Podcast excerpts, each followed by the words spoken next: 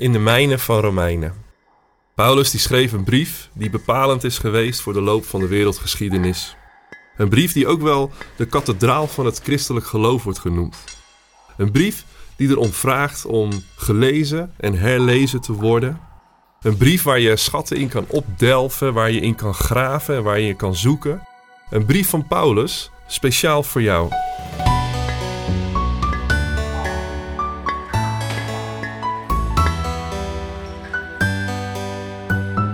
We gaan in deze podcast mijnen in Romeinen.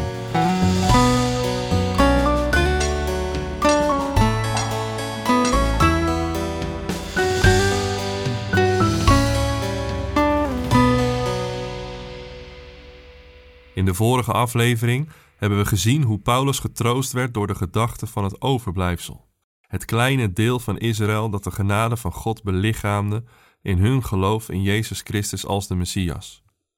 Vandaag lezen we verder in Romeinen 11 vanaf vers 11 tot en met 24. Maar nu vraag ik weer: ze zijn toch niet gestruikeld om ten val te komen? Dat in geen geval. Maar door hun overtreding konden de heidenen worden gered, en daarop moesten zij afgunstig worden. Maar als hun overtreding al een rijke gave voor de wereld is, en hun falen een rijke gave voor de heidenen, hoeveel rijker zal dan de gave zijn wanneer zij zich allen hebben bekeerd? Ik spreek nu tot degenen onder u die uit de heidense volken komen. Zeker, ik ben een apostel voor de heidenen, maar ik schat mijn taak juist daarom zo hoog omdat ik hoop afgunst bij mijn volksgenoten op te wekken en een deel van hen te redden. Als God zich met de wereld heeft verzoend toen hij hen verwierp, wat zal hij dan, wanneer hij hen opnieuw aanvaardt, anders teweeg brengen dan hun opstanding uit de dood? Als een klein deel van het deeg aan God is gewijd, is al het andere deeg het ook. Als de wortel aan God is gewijd, zijn de takken het ook.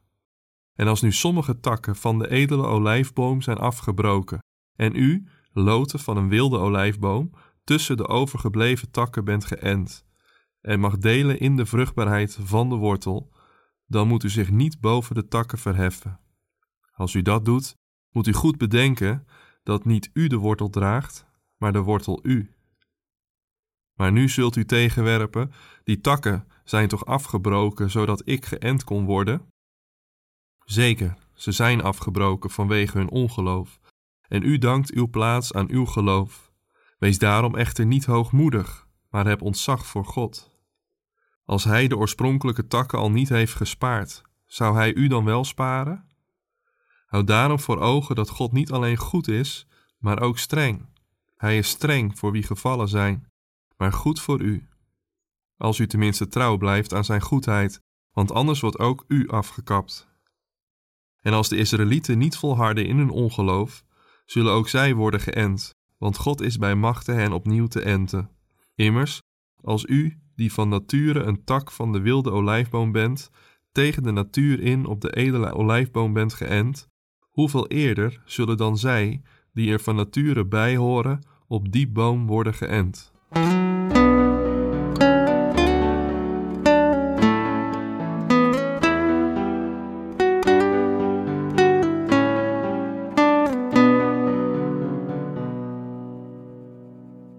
Zag een keer een documentaire over een oud schipper. Hij had nog met het zeilschip van zijn vader leren varen. En hij had de transitie meegemaakt naar motorschepen. De zeilen voldeden niet meer en de motor nam de plek in. Enigszins gelaten had hij de overgang meegemaakt. Het was handig, het was beter, het was economischer enzovoort. Maar de motor in het schip had hem naar eigen zeggen van een schipper een chauffeur gemaakt. Deze man kwam pas weer tot leven als hij aan boord stapte van een scootje. Een oud Fries binnenvaartschip met belachelijk veel zeil. Dat was pas echt varen. Dit is een beetje het gevoel wat ik krijg bij de versen die we vandaag gelezen hebben. Ook al is Paulus een apostel voor de heidenen, hij komt pas echt tot leven als hij zijn volksgenoten voor ogen heeft. Hij leeft zelf in de bijzondere omstandigheid dat met de dood en opstanding van Christus het evangelie beschikbaar is geworden voor de hele wereld.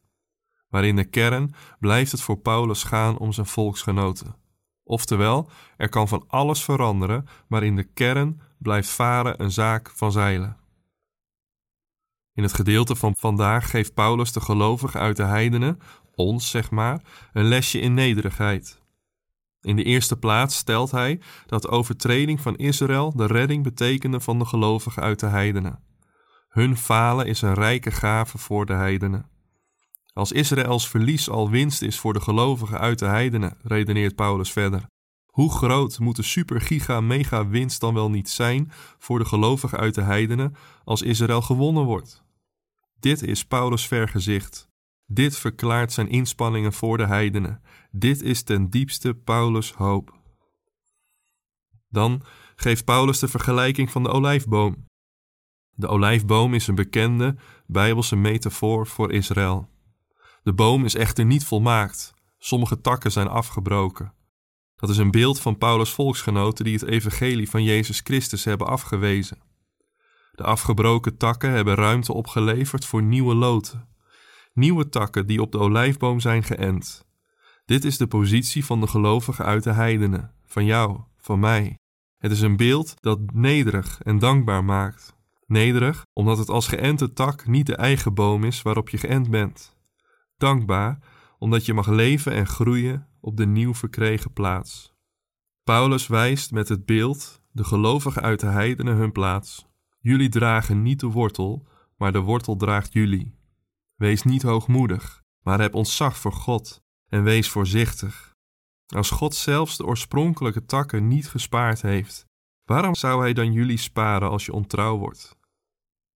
Naast een waarschuwing voor de gelovigen uit de heidenen bevat het beeld van de olijfboom ook de hoop dat de Israëlieten niet volharden in hun ongeloof, maar gaan geloven. Dan zullen ze opnieuw geënt worden. Paulus spreekt hier hoopvol over.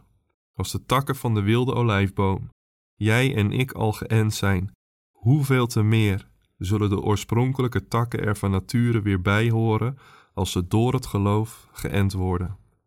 In de eerste plaats kunnen we na 2000 jaar wel vaststellen dat we als gelovigen uit de heidenen hopeloos gefaald hebben in het jaloers maken van het Joodse volk.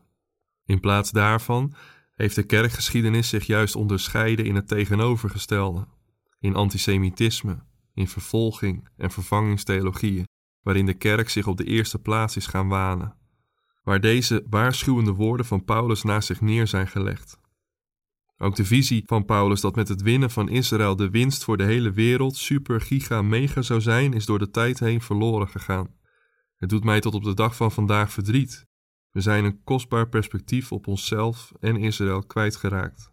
Net zo goed dat ik als schipper mijn leven lang gevaren heb, maar in de ogen van die oude schipper vooral een chauffeur was, die nooit echt heeft leren varen.